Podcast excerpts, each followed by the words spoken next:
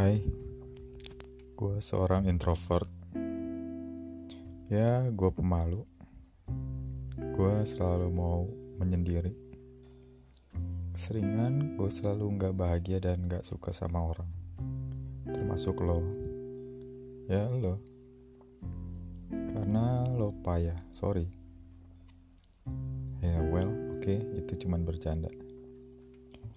Seenggaknya itu pendapat menurut orang-orang yang ada di internet tentang seorang introvert.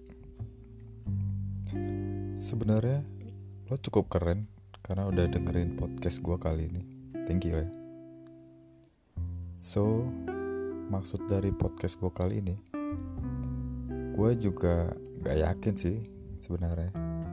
Gue cuma mau cerita tentang keseharian gue jadi seorang introvert dan sebenarnya gue nggak mau jadi seorang introvert